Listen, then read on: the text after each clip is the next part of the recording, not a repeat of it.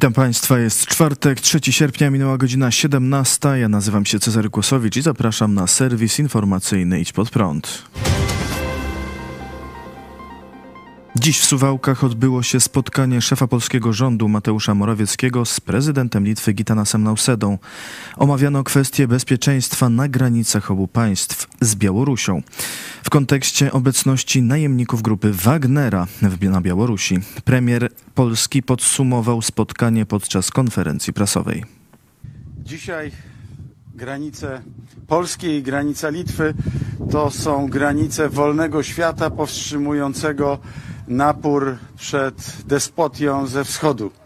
Trzeba sobie to bardzo jasno powiedzieć, że właśnie na naszych granicach, na granicach litewskich, granicach polskich zatrzymują się najróżniejsze hybrydowe ataki, które obserwujemy od dwóch lat.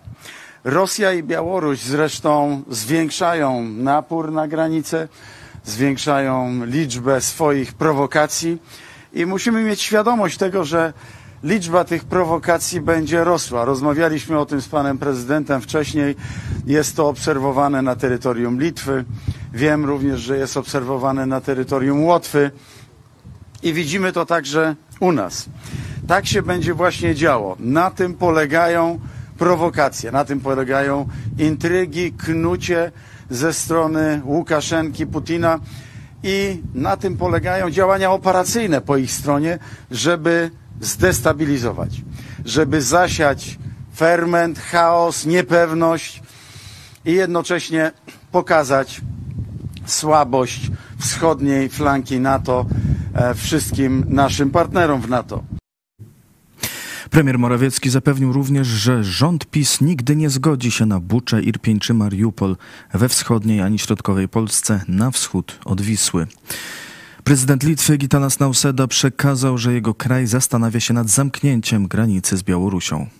Widzimy, że grupa wojskowa na Białorusi oznacza to, że to może być bardzo dużą pokusą i dla Putina, i dla Łukaszenki nie wykorzystać ich bycia, ich obecności tu na terytorium Białorusi i oczywiście wykorzystać to w celu prowokacji przeciwko państw NATO. Dlatego musimy współdziałać, dlatego musimy nie tylko e, mówić o środkach na szczeblu krajowym, ale również algorytmy, co powinno być zrobione, jeżeli ta sytuacja stanie się jeszcze bardziej skomplikowana, łącznie z zamknięciem granicy z Białorusią. Tuż po spotkaniu prezydent Litwy oznajmił na Twitterze, że spotkanie było bardzo owocne i z pewnością przyczyni się do poprawienia bezpieczeństwa w regionie. Owocne spotkanie z premierem Polski Mateuszem Morawieckim na Przysmyku Suwalskim. Zachowujemy czujność i jesteśmy przygotowani na każdy możliwy scenariusz, napisał prezydent Nauseda. Przypomnijmy, przesmyk suwalski jest określany jako najbardziej niebezpieczne miejsce na Ziemi i pięta achillesowa NATO. To odcinek o długości około 96 km na granicach Litwy i Polski, który jest zarazem najkrótszą drogą lądową między Białorusią a rosyjskim terytorium w obwodzie królewieckim. A dziś w rozmowie z Polską Agencją Prasową wicepremier Jarosław Kaczyński skomentował incydent związany z naruszeniem przestrzeni powietrznej nad Polską. Stwierdził, że rosyjskie statki powietrzne nieustannie naruszają przestrzeń innych krajów i są przepędzane przez NATO, ale nikt ich nie zestrzeliwuje, co proponował na przykład były szef MSZ Radosław Sikorski komentując sprawę. To była trwająca bardzo krótko prowokacja i tylko ktoś skrajnie niemądry mógłby się na to nabrać, czyli kazać strzelać prawdziwymi pociskami. Oczywiście Putin i Łukaszenka by się z tego ucieszyli. Prowokacje są i pewnie będą, bo oni są bezradni, powiedział Jarosław Kaczyński. Inne zdanie ma podpułkownik Krzysztof Przepiórka, współtwórca jednostki GROM, który dziś Wiś pod prąd na żywo komentował incydent przy naszej granicy. Już po wlocie tej pierwszej rakiety grudniu tamtego roku. Trzeba by było jeszcze raz uszczelnić, mocniej uszczelnić system obrony przeciwlotniczej na wschodniej flance, spodziewając się właśnie tego typu incydentu. No, no i oni przez, przez cały czas to testują nas, a jakiś, przepraszam, jakiś durny komentator, nie wiem kto to był, proszę mi nawet nie wspominać kto to był, że, że nic się nie stało, że, że no co mieliśmy zestrzelić? Tak, mieliśmy zestrzelić. Turcy się nie, nie, nie ochrzaniali z e, Rosjanami. E, wleciał, tam chyba był nie, 10 kilometrów od, no, od, e, od granicy, został zestrzelony i, i, i wszystko. Trochę tam po, pomachali, po, pofukali nosem Rosjanie i, i, i przyjęli to z pokorą, tak? Wleci, wlatujesz na moje terytorium, a to jest traktowane jak atak i tyle. Nie ma czegoś takiego. Moje środki tam nie latały powietrzne, więc tylko wrogie. Mam prawo to zrobić, zestrzelić. No jeżeli my przez cały czas będziemy, to, to ja się spodziewam tego typu incydentów, no bo przecież tylko no, im o to chodzi, żeby właśnie albo rozpoznać nasze stanowiska ogniowe, stanowiska radiolokacyjne, trochę po no, nas poupokarzać i odlecieć, tak? A my, a my dalej będziemy jak tam ktoś nie nagra, no to co, co tam? Nic się nie stało, nikt nie wleciał. Wicepremier Jarosław Kaczyński poinformował dziś też, że rząd bezustannie poprawia sytuację, między innymi poprzez ustawę o obronie ojczyzny i budowę potężnej artylerii rakietowej zdolnej zniszczyć zgrupowanie przeciwnika, który próbowałby przekroczyć granicę. Budowana obecnie wielopiętrowa obrona przeciwlotnicza będzie jedną z najnowocześniejszych w Europie, a może nawet i na świecie. Trudno jest dbać o gospodarkę i podwyższać wydatki na obronność, ale nie mamy wyjścia, powiedział Jarosław Kaczyński. Minister Obrony Narodowej Mariusz Błaszczak wziął dziś udział w odprawie z żołnierzami Wojska Polskiego w związku ze zwiększeniem liczby polskich żołnierzy na granicy z Białorusią. Podczas odprawy generał Marek Sokołowski poinformował o natychmiastowym wzmocnieniu kierunku białoruskiego przez armię. Przekazał również, że śmigłowce będą stacjonowały w dwóch miejscach w reżimie natychmiastowej reakcji w przypadku zaistnienia niepokojących zdarzeń na granicy. Śmigłowce są uzbrojone i gotowe do walki. Jest tu część bardzo doświadczonych pilotów z pełnymi uprawnieniami do lotów. Są tu piloci, którzy fizycznie jeszcze ze mną w Afganistanie i w Iraku używali uzbrojenia pokładowego i rakiet. Są doświadczeni. Jeżeli cokolwiek będzie niepokojącego, nie zawahają się użyć uzbrojenia, zapewnił generał. Z kolei władze Białorusi twierdzą, że informacje o incydencie są nieprawdziwe i w związku z tym Mińskie MSZ wezwało polskiego przedstawiciela dyplomatycznego do złożenia wyjaśnień. Rosyjska marynarka ćwiczy na Bałtyku. W środę rozpoczęły się manewry rosyjskiej marynarki wojennej na wodach Morza Bałtyckiego. Od 2 sierpnia na Morzu Bałtyckim przeprowadzane są pod kierownictwem naczelnego dowódcy sił morskich admirała Nikołaja Jewimianowa ćwiczenia Ocean Ocean Shield 2023, powiadomił resort obrony Rosji. Celem ćwiczeń według oficjalnego komunikatu jest weryfikacja zdolności floty wojennej do obrony interesów narodowych Rosji na ważnym operacyjnie obszarze. W manewrach udział bierze ponad 30 okrętów wojennych, 20 okrętów wsparcia, 30 samolotów lotnictwa morskiego i sił powietrzno-kosmicznych Rosji oraz około 6 tysięcy żołnierzy. Rosyjski resort obrony poinformował, że podczas ćwiczeń planowane jest sprawdzenie gotowości sił marynarki wojennej do ochrony interesów narodowych oraz spójności pracy dowództwa w celu dowodzenia i kontroli wojsk. Rosyjskie ministerstwo zapewniło również, że po zakończeniu ćwiczeń okręty wrócą do swoich stałych baz, a lotnictwo powróci na swoje lotniska. Do rosyjskich ćwiczeń odniosło się polskie Ministerstwo Obrony Narodowej. Na bieżąco i wnikliwie monitorujemy przy użyciu wszystkich dostępnych środków sytuację na Morzu Bałtyckim. Siły zbrojne współpracują z partnerami z NATO, przekazał resort. Ministerstwo podkreśliło też, że wszelkie działania podejmowane są i uzgadniane z sojusznikami z NATO. Jak informowało Biuro Bezpieczeństwa Narodowego, dziś prezydent Andrzej Duda miał osobiście zapoznać się z bieżącą sytuacją na Bałtyku w porcie wojennym w Gdyni. Jednak z powodu burz przechodzących nad Gdańskiem samolot z prezydentem musiał zawrócić do Warszawy. Szef BBN Jacek Siewiera przekazał, delegacja pana prezydenta była w drodze na miejsce. Nad portem lotniczym Kossakowo w Gdyni wykonywała czterokrotne podejście do lądowania. Decyzją pilota samolot zawrócił do Warszawy ze względu na warunki atmosferyczne atmosferyczne.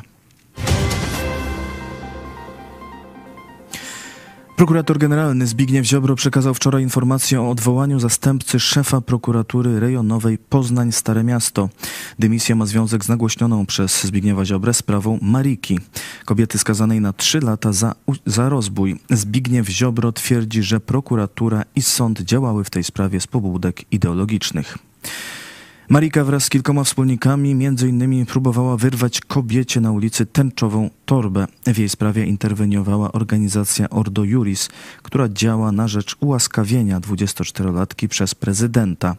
Jak argumentuje Ordo Juris, Marika miała działać w geście sprzeciwu wobec promowania skrajnie lewicowych ideologii, usiłowała wyszarpać kobiecie torbę w barwach ruchu LGBT, w następstwie została oskarżona.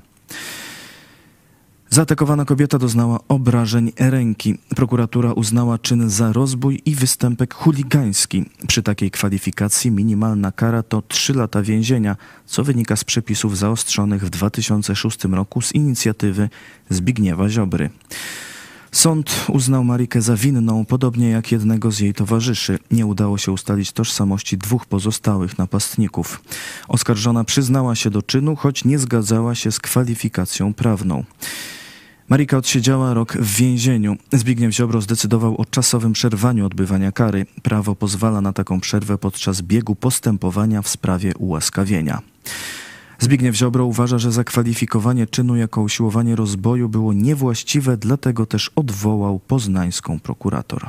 Podjąłem decyzję o odwołaniu z funkcji zastępcy szefa prokuratury rejonowej, aktualnie pełniącej e, te obowiązki, tą funkcję pani prokurator. Odpowiedzialność jest e, adekwatna do zadań, jakie spoczywały na pani prokurator. To właśnie pani prokurator, jako zastępca szefa prokuratury rejonowej, była zobowiązana w ramach swojego nadzoru czuwać nad prawidłowym biegiem tego postępowania, również e, kwalifikacją prawną czynu, jak też i wnioskami co do kary, które miałyby być składane przed sądem. W tym postępowaniu z całą pewnością pani prokurator nie stanęła na wysokości zadania. Doszło do rażących błędów skutkujących e, e, wątpliwą kwalifikacją prawną, a z całą pewnością e, zupełnie nieadekwatną reakcją karną na zachowanie naganne, godne potępienia i wymagające ukarania, ale w sposób adekwatny. Nie może być zgody na to, aby przyczyny ideologiczne i światopoglądowe decydowały o tym, jak są oceniane poszczególne czyny i karani są sprawcy tychże przestępstw. Nie może być zasady znanej z bolszewickich czasów, dajcie mi człowieka, paragraf znajdę. Tutaj tego rodzaju myślenie niestety jako żywo przychodzi do głowy, gdy patrzymy na tą oto historię. W prokuraturze rejonowej Poznań Stare Miasto są dwie wiceszefowe. Na konferencji nie, nie podano, o którą z nich chodzi. Podczas konferencji doszło też do skandalicznego publicznego ujawnienia danych osobowych ofiary przestępstwa, co zrobił prokurator Tomasz Szafrański, cytując uzasadnienie wyroku wraz z imieniem i nazwiskiem poszkodowanej. Dziś Zbigniew Ziobro poinformował, że w związku z relacjonowaniem m.in. tej sprawy składa skargę na TVN i TVN24 do Krajowej Rady Radiofonii i Telewizji. Zbigniew Ziobro przekazał, że chodzi o informowanie przez TVN właśnie o sprawie Mariki oraz o sprawie ataku na kierowcę ciężarówki organizacji antyaborcyjnej Pro Prawo do Życia, do którego doszło w ubiegłym roku. Na nagraniach widać, jak sprawca rzucał czymś w samochód stojący na światłach, następnie otworzył drzwi pojazdu, szarpał kierowcę i próbował wyrwać mu telefon. Sprawa została umorzona decyzją Sądu Okręgowego w Warszawie, który podtrzymał wcześniejszy werdykt Sądu Rejonowego. Sąd argumentował decyzję znikomą szkodliwością społeczną czynu. Zdaniem Zbigniewa Ziobry tę drugą sprawę stacje TVN i TVN24 przemilczały, natomiast poświęcały dużo uwagi sprawie Mariki i eksponowały jej ideologiczny charakter. W jednym przypadku stacja ta poświęcała bardzo wiele uwagi, eksponując w sposób często dość jednostronny aspekty ideologiczne tej sprawy, pomijając e, nieraz zagadnienia natury prawnej. Natomiast w drugim przypadku całkowicie niemal przemilczała e, bulwersujące wydarzenie. Stacja TVN24 i TVN, stacje te w sposób bardzo krytyczny oceniały moje decyzje, wskazując, że mogą one stanowić zachętę i usprawiedliwienie przemocy, które to, które te zachowania przemocowe były dyktowane względami ideologicznymi, jednocześnie całkowicie zamykała oczy i zamiatała sprawę pod dywan, pod dywan przemocy, który dział się niemal pod siedzibą stacji TVN i podkreślam jeszcze raz, przybrał dużo większą skalę. Kieruję do Krajowej Rady Radiofonii i Telewizji wniosek o zajęcie się tą sprawą. Nie możemy bowiem godzić się na to, aby telewizja, zwłaszcza o tak wielkim zasięgu, e, korzystająca z częstotliwości, które nie są powszechnie dostępne, mogła swoim zachowaniem kształtować e, takie wrażenie wśród e, ewentualnych przyszłych sprawców, że takie zachowania mogą ujść płazem mogą spotkać się z bezkarnością i nie będą też publicznie napiętowane i pokazywane, będą przemilczane. Trudna sytuacja polskiego przemysłu drzewnego. Przedsiębiorcy apelują do premiera. Przedstawiciele branży drzewnej napisali list do premiera, w którym wskazują, że w Polsce ceny drewna są obecnie najwyższe w Europie, a polskie firmy nie są w stanie skutecznie konkurować na rynku. Wiele z nich jest na skraju bankructwa lub już upadło.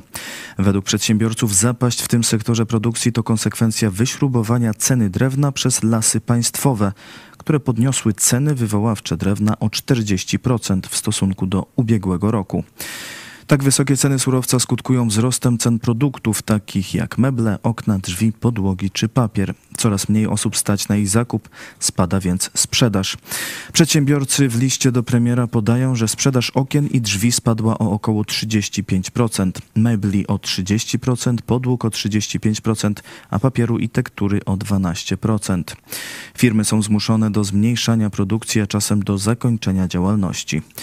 W liście przedstawicieli branży drzewnej czytamy: Zagrożone jest dalsze istnienie setek przedsiębiorstw i tysięcy miejsc pracy. Zwracamy się do prezesa Rady Ministrów z prośbą o natychmiastową interwencję i decyzję w celu poprawy sytuacji na rynku sprzedaży surowca drzewnego z lasów należących do Skarbu Państwa.